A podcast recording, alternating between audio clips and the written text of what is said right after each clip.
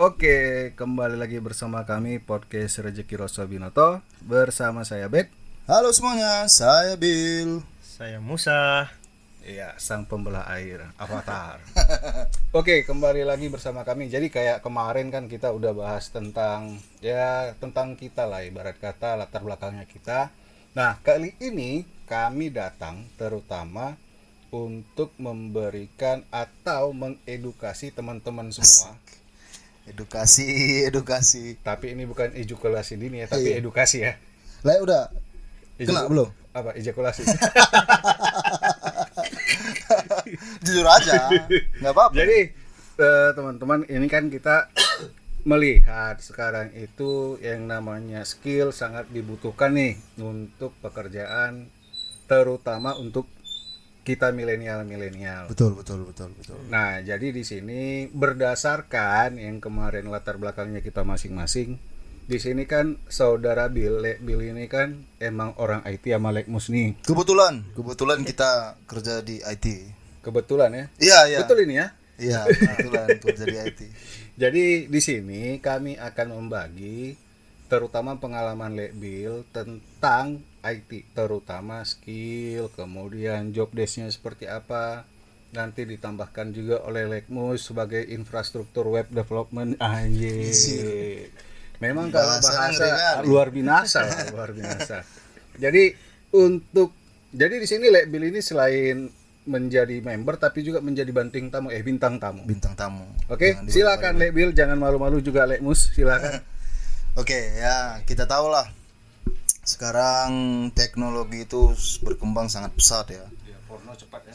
cepat cepat dan kalau nggak salah 10 10 tahun yang lalu lah mulai 10 tahun yang lalu lah perkembangannya kalau nggak salah Kalau salah manusia. kalau salah ya manusia kan memang yang salah tempat ya. yang salah sebenarnya ada 20 tahun yang lalu itu, Bang. 20 ya 20 dari tahun 2000. cuma kan 20 tahun yang lalu kan belum belum belum pesat kali maksudnya sebubing sekarang ya. pesat pesatnya itu 10 tahun terakhir ini jadi kan oke lah ini ini ini Setelah kita internet cepat itu ya. betul 3G, betul 3G betul ya. betul betul.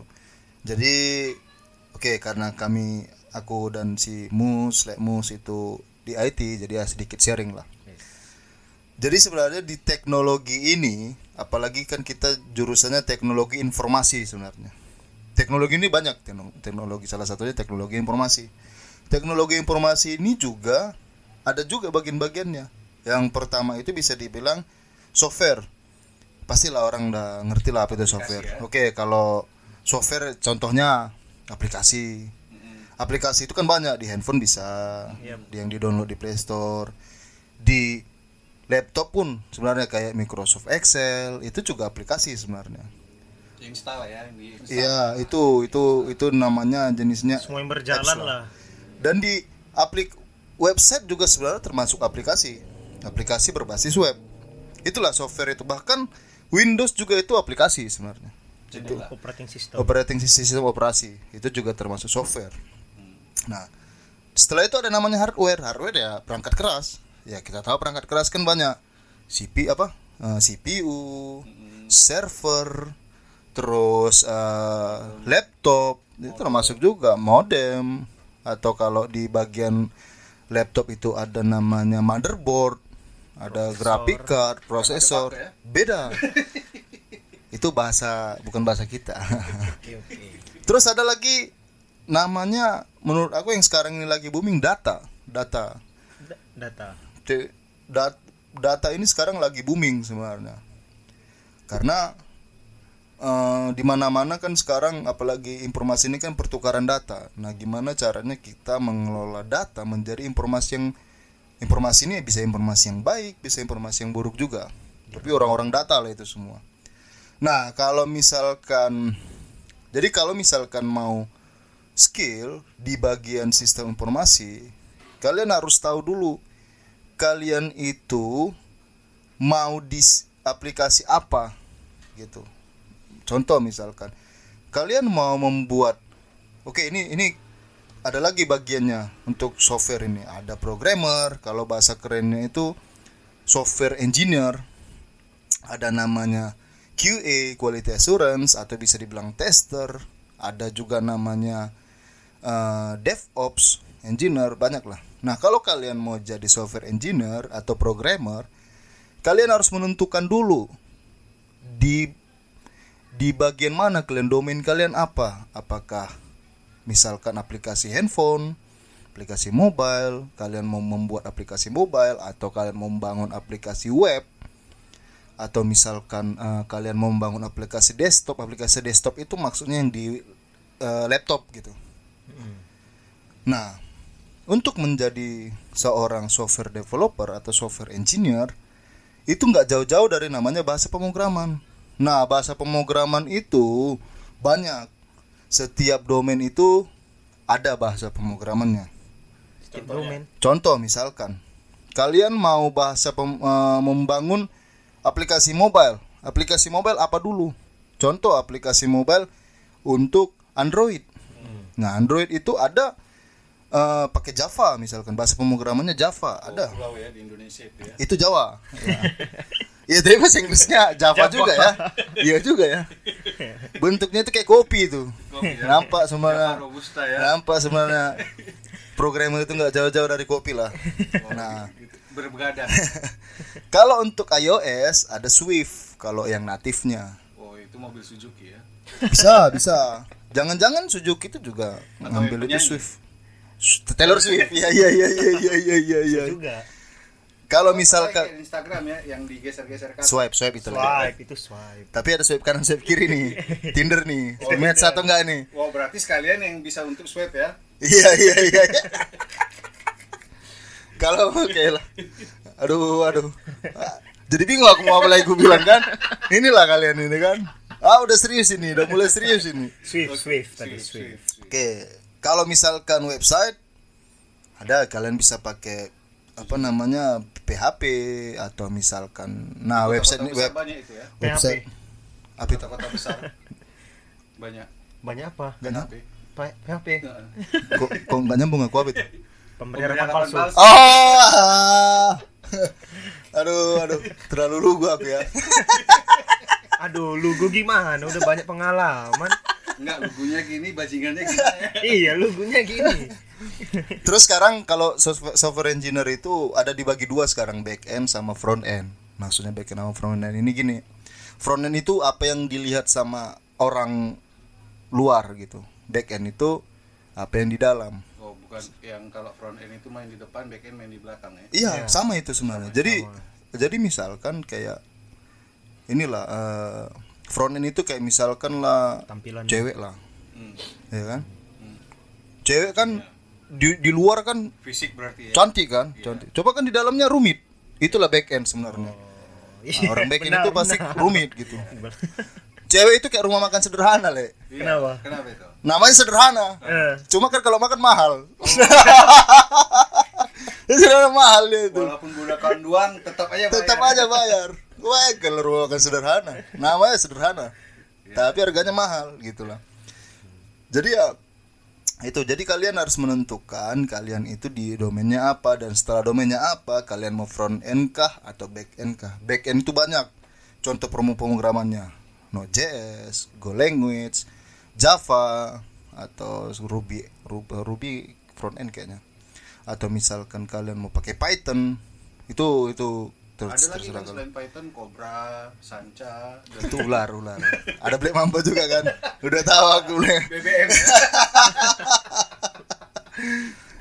Dan yang paling penting sebenarnya programming ini bagaimana kalian selesain satu masalah dengan cara yang baik. Makanya yang penting itu logika. Setiap hari itu harus dilatih.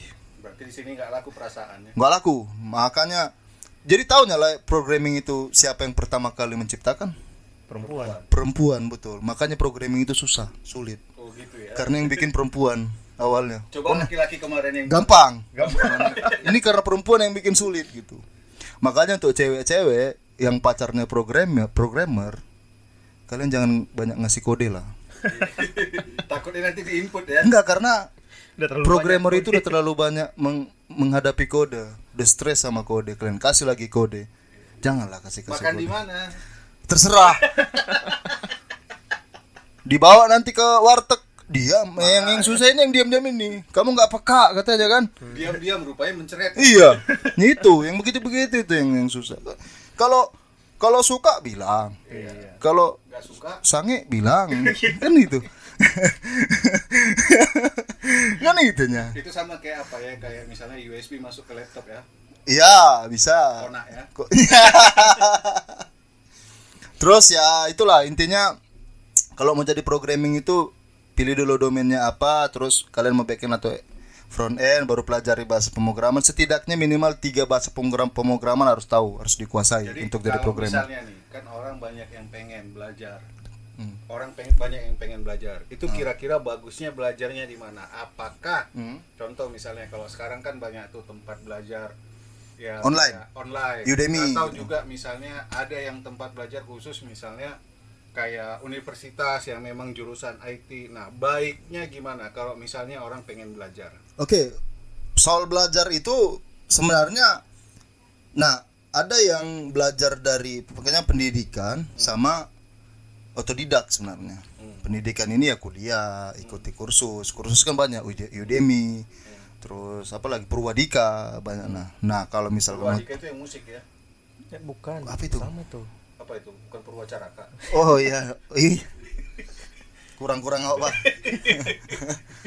Terus ya apa namanya eh, otodidak itu ya belajar dari internet karena ya sekarang kan aks- eh, informasi kan gampang. Itu kalau otodidak roda berapa? Apalagi tuh? Apalagi tuh? Kan otomotif roda 2, roda 4. Oh, tidak itu belajarnya sendiri Oh, maksudnya. belajar sendiri. otodidak itu apa? Kepanjangan dari otida. Otodidak. Otodidak. Oh, oto oh, otodidak gitu. Aduh. Kalau di Medan oto katanya. Oto loa gitu. nah otodidak itu memang eh, menurutku ya otodidak itu basicnya di itu nggak dapat maksudnya basic dari cuma enaknya otodidak Hmm. nggak karena otodidak itu nggak karena nggak dapat basic jadi dia nggak tahu batasan apa yang dipelajari Jadi semua dipelajari makin dalam Masuk semua. Nah kalau misalkan kuliah kan atau sekolah kan kita udah dapat basic, tapi jeleknya kita udah tahu batasannya. Misalkan, oke belajar ini sampai ininya gitu, udah selesai gitu. Nah untuk makanya otodidak itu rata-rata jago lah karena nggak ada nggak ada batasan maksimum. Ya, semua dipelajari, semua dipelajari sampai semua digeluti gitu. Nah it- itulah plus minusnya kalau otodidak sebenarnya. Jadi kalau misalkan mau Belajar. mau belajar itu ya kursus banyak misalkan kalian yang kuliah jurusan non IT bisa kursus ada teman kantorku dulu di kantor sebelumnya itu mantan law- lawyer Lawyer dia. Nah, ngerasa dia ah lawyer nggak jelas ini katanya Hmm. udah dia ikut eh, kayak Purwadika itu Purwadika sekarang dia jago programmer yang jago gitu jadi nggak nggak nggak sem banyak yang bilang susah IT itu ya ya semua pelajaran susah kali di, di dipelajari cuma kan tergantung kemauan gitu betul kan Iya. ya awak Kalau- juga apalagi kalau mau sama mau lebih enak ya. iya awak ju- eh, kayak mana lagi awak dulu belajar itu Yang penting ada kemauan ya. mana lah awak dulu taunya kan QQ Judi. Ah, kalau nggak 8 9. Terus main tuo. Angkat besi ya kan? Angkat besi, hidup mati. Aku paling main leng lah. Mana ngerti awak programming-programming itu gitu. Terus tadi kayak hardware lah misal. Tadi kan ada satu software hardware. Hardware ini ya banyak ininya apa namanya ya tentang perangkat lah ya. Kalian bongkar-bongkar perangkat atau kalian pelajari soal perangkat. Ada juga yang misalkan untuk jaringan-jaringannya banyak lah sebenarnya eh, yang per, yang yang bisa di dipelajari sebenarnya. Nah sekarang yang lagi booming itu data justru. Data itu menurutku apa namanya eh, data engineer itu atau bisa dibilang Data scientist. data science itu itu sekarang lagi booming orang Orang-orang gila. orang-orang yang kerjaannya di data itu sekarang duitnya paling banyak paling mahal sebenarnya Sesuai data lah ya. sesuai data lah banyak gimana lah dia mem- memproses data. satu data bisa diprosesnya jutaan data jadi beberapa informasi yang penting yang dibutuhkan gitu nah informasi ini kan juga ada yang baik ada yang buruk nah itu dari orang datanya gitu Tapi tergantung biasanya informasi yang buruk menyatukan negara dan Indonesia loh. ya ya ya Kayak kejadian barusan ya. Ya kejadian yang kemarin itu Yang kemarin yang ya. artis 19 detik. 19 detik semua bersatu kan. iya Nyariin iya dua, nyariin 2 menit. Nyari dua menit nggak dapat ya? Enggak. Sama. Sama. Kominfo juga nyari. Mana ada yang dua menit? Ada yang dua menit. Katanya ada. Ada, cuma nggak ada yang dapat. Gak tau kita buat lah. Bisa satu jam. Jadi ya intinya dat data anjing. Jadi data, data itulah yang yang yang yang paling paling paling booming lah, paling mahal lah istilahnya sekarang. Logaritma itu berarti ya. Atau gimana? Enggak, enggak ngerti lah aku entah entah kayak mana itu. Intinya gimana lain mengelola jutaan data, jutaan data yang ada menjadi sebuah informasi yang dibutuhkan oleh bisnis orang maksudnya orang manajemen gitulah. Gimana lah contoh misalkan pernah nggak lah ngomong nih kita misalkan nih pernah nggak lah ngerasa kita ngomongin atau lah ngomong ah aku kayaknya butuh mobil nih tiba-tiba di Instagram lah ada ads mobil Iya. Iya, iya. itu ya memang ilegal sih ya. Itu kan ngambil mikrofon kan. Cuma mereka kan memproses data itu. Jadi yang kebutuhan lain misalnya tiba-tiba misalkan ada search apa di to- Tokopedia misalkan nge-search nge-search gitu. Bisa misalkan lah ketik eh, Tapi Beli- beli apa ya, gitu? Kalau kayak gitu itu kan berarti dari habit ya, dari kebiasaan kan. ah maksudnya? Ibaratnya kan ads itu kan datang eh, setelah kita mencari apa yang kita ketikkan begitu. Benar. itu salah satunya ya Kan begitu. ya Tapi ku cari yang 19 19 detik itu kenapa nggak hadir dia ya? karena nggak pakai VPN mungkin lah ya. coba lah pakai VPN mungkin bisa atau mungkin VPN lah eh VPN gratis Udah mod loh itu. Enggak, sekarang nyarinya di mana? Oh. Itu dulu. Aku nyarinya di Google sih. Nah, ya iya, nggak dapat. dapat loh kalau pakai VPN dapat itu Enggak, enggak dapat juga. Ada web-web apa aku mau rekomendasi? Twitter biasanya. Oh, tuh. cari aja ini keywordnya kalau keyword apanya artis tit 19 detik ah ada itu pasti Atau langsung nama artis 19 detik. MP4 dapat. Oh. ada yang di websitenya yang X nya tiga kali Oh. ada itu Iya, iya. ada tambah satu huruf lagi lah itu Ini bahas apa ya? Bahas, bahas 19 detik ini. Oke, lanjut. itulah pokoknya intinya data lah. Kalau soal pela belajar di mana sekarang programmer sekarang lebih enak dari kami dulu. Programmer sekarang internet gampang. Kami dulu cari buku. Mau belajar apa apa buku. Buku apalagi awak? Ada ada pernah dulu bukuku 100 halaman. Nggak pernah ku baca pun nggak pernah jadi bantal ya kan? Bareng. Buku RR ya? buku jangan RR apa dong? Kode alam. Kalau kalau kalau RR enggak? Enggak, apa itu? Kitab Joyoboyo. kita jaya boyo togel. Togel. Oke. aduh dua kali aku kena tabrak kucing kode alam ini. Ambil Apa- kucing apa, gitu. Kak? Kucing apa? nggak tahu aku nomor kucing. Bapakku itu yang jago itu. Ada tiap sore membahas itu kalau istilahnya. Dibahas lah semua itu. Itulah togel itu. Tapi kalau untuk kebutuhan, kebutuhan milenial sekarang, Hmm. kan ibaratnya kan eh, pangsa pangsa pasar terutama lagi pandemik begini itu kan sedikit ibaratnya lowongan yang ada. hmm.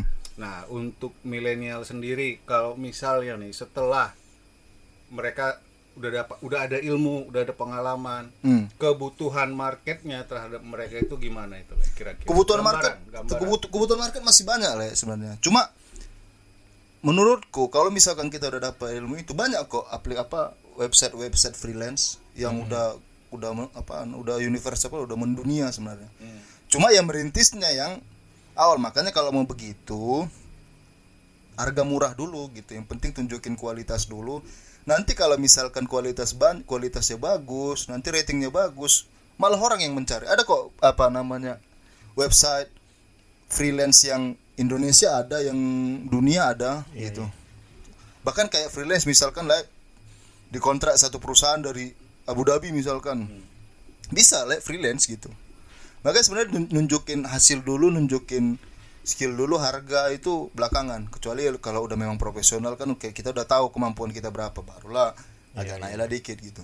Cuma maksudku kalau sekarang itu nggak cuma jadi IT kok. Banyak kok yang mau jadi misalkan konten kreator konten kreator juga. Yang penting sekarang eh, kreativitas sih kalau kalau menurutku. Kreativitas bikin bikin video itu apalagi bikin video bikin video apa kalau sinematik yang begitu-begitu kan Iya iya. bukan hanya bukan hanya seni sebenarnya. Seni seni seni pun bagus pun seni. Kalau Akhirnya kemampuan ada, kemampuan meng, kemampuan memakai toolsnya yang sus, su- apa?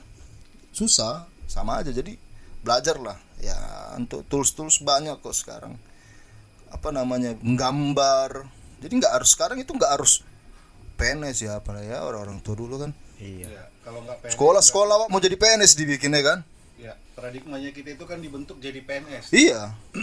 Jadi sekolah penting maksudku cuma ya kalau kalian lihat ada orang yang nggak sekolah sukses ya satu banding 100 atau satu banding seribu nih itu gitu. Jangan kalian ikuti yang ah si Anu nggak sekolah sukses kok katanya.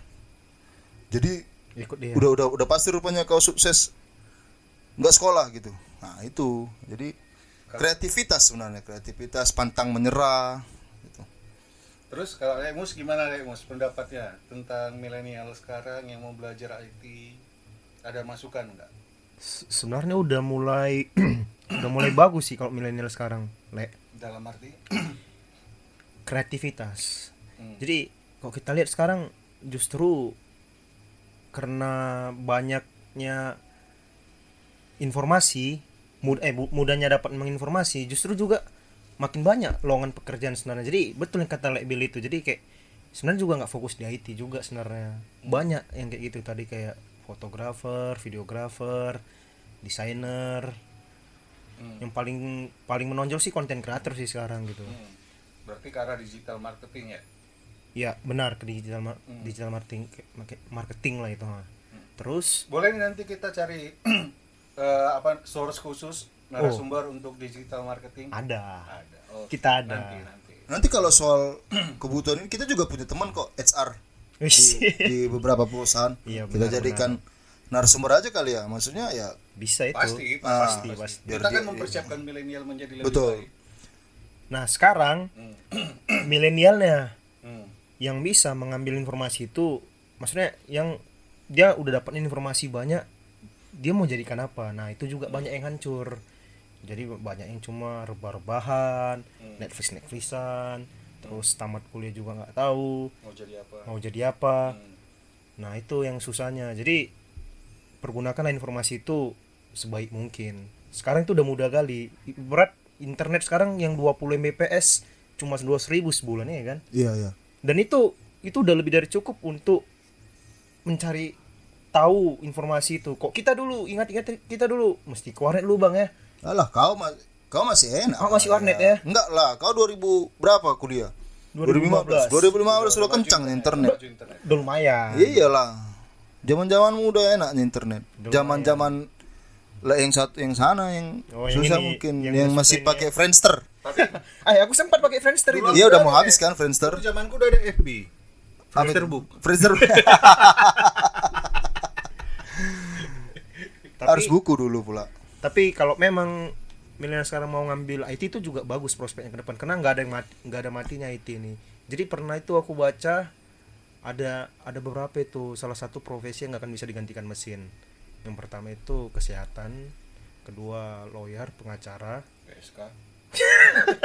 Udah ada sekarang le. Udah ada Sex ya. doll. sex doll Oh, betul juga. Nah, ketiga IT.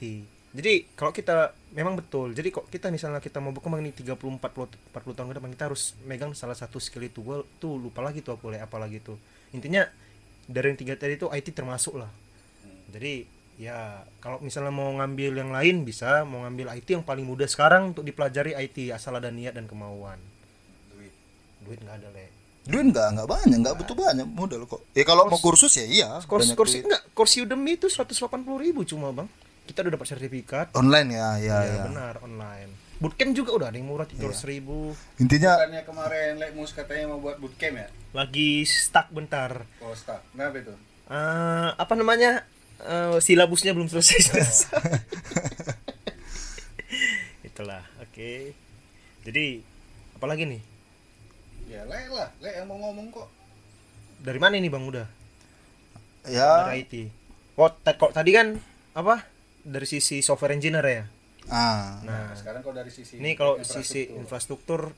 sama kayak bang Bill itu sama kayak Lek Bill itu juga. Tadi ada backend ada front end itu kalau dari sisi software engineer-nya ada QA-nya quality assurance. Nah kok di infrastruktur itu juga banyak. Ada network ada IT support ada sysadmin ada monitoring IT monitoring banyak lah nah tapi sekarang yang lagi hype-nya itu DevOps nah itu gabungan DevOps ini maksudnya gimana?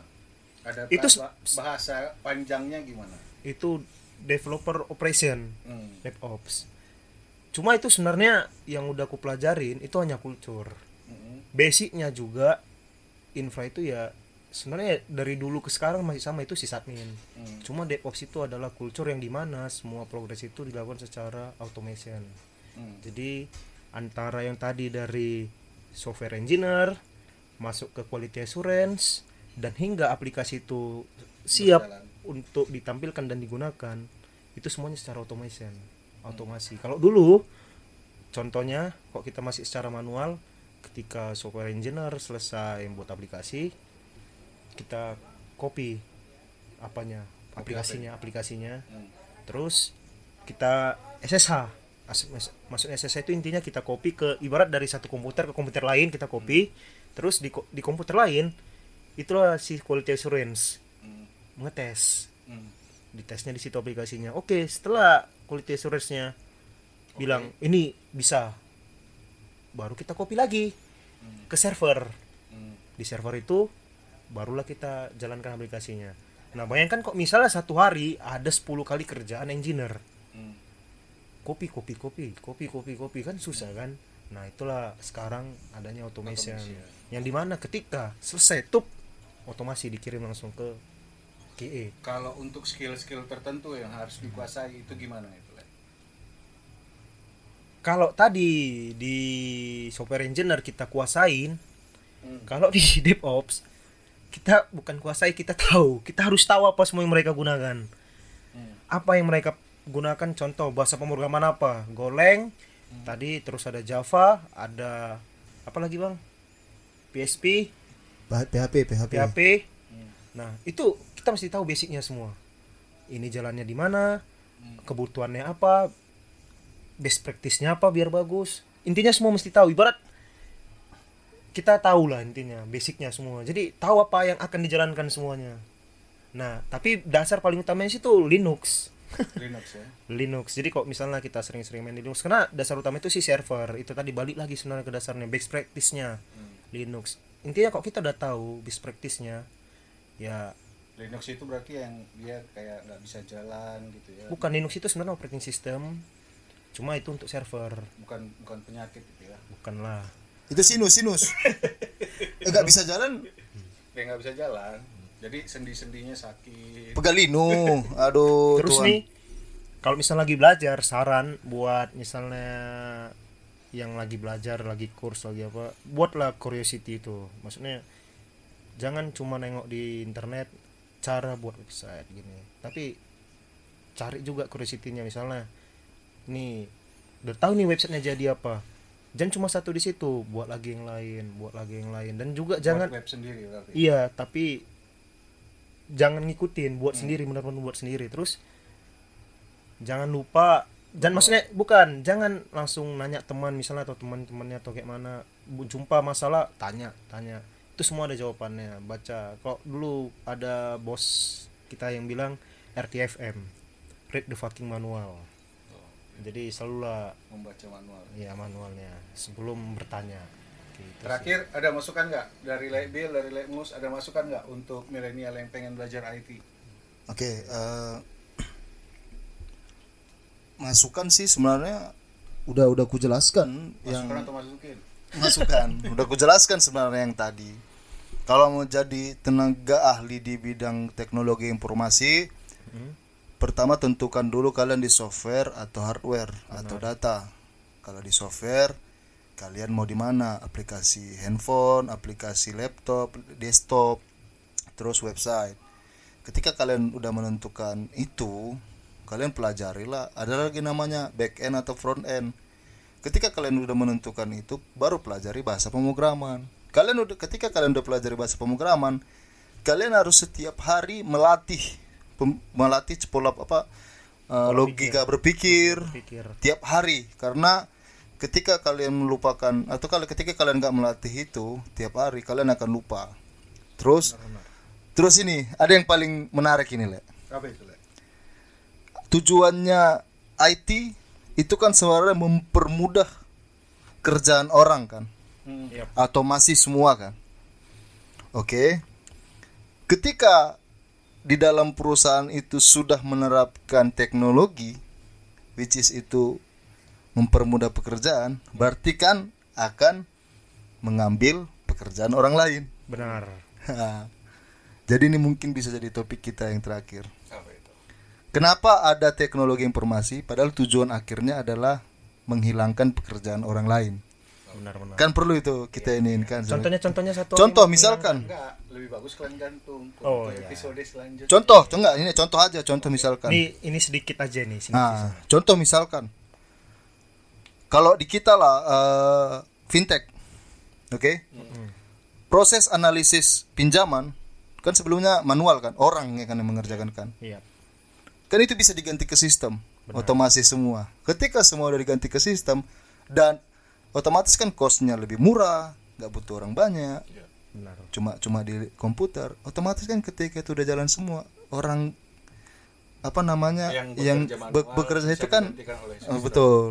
Jadi gimana lah? Apalah? Cocok ini jadi jadi topik selanjutnya. itu- teknologi informasi mempermudah pekerjaan orang dan juga eh tapi Mengganti. menggantikan orang menggantikan pekerjaan orang lain. Oke. Oke, cocok kan? Cocok. Iya iya iya. iya. cocok kali Oke, itu kalau dari Lemus ada tambahan penutup? Eh, sepertinya cukup, tapi itu sama yang berhubungan yang tadi itu juga. Jadi untuk milenial pilihlah yang maksudnya ini misalnya umur kalian masih muda kan, pilihlah betul-betul skill yang nggak akan mati 30 40 tahun ke depan yang seperti tadi. Itu tadi kan ada yang bisikan tadi sedikit tadi kan yang teknologi informasi menggantikan pekerjaan orang betul itu tadi makanya tadi ada berapa saya lupa intinya pilihlah itu. Oke. Semangat. Jangan-jangan puah minum. Air putih ya. putih jangan yang lain lagi Oke, terima kasih kepada Lekbil dan Lekmus atas sharing ilmunya Sama-sama lah Iku. dan kepada teman-teman yang mendengar apabila ingin menyampaikan pertanyaan lihat aja atau follow aja IG kita Rezeki Rosobinoto nanti bisa disampaikan di situ pertanyaannya. Nanti ada akan ada mesin yang menjawab. Oke, sampai jumpa minggu depan. Bye-bye. Terima kasih, selamat Terima sore. kasih.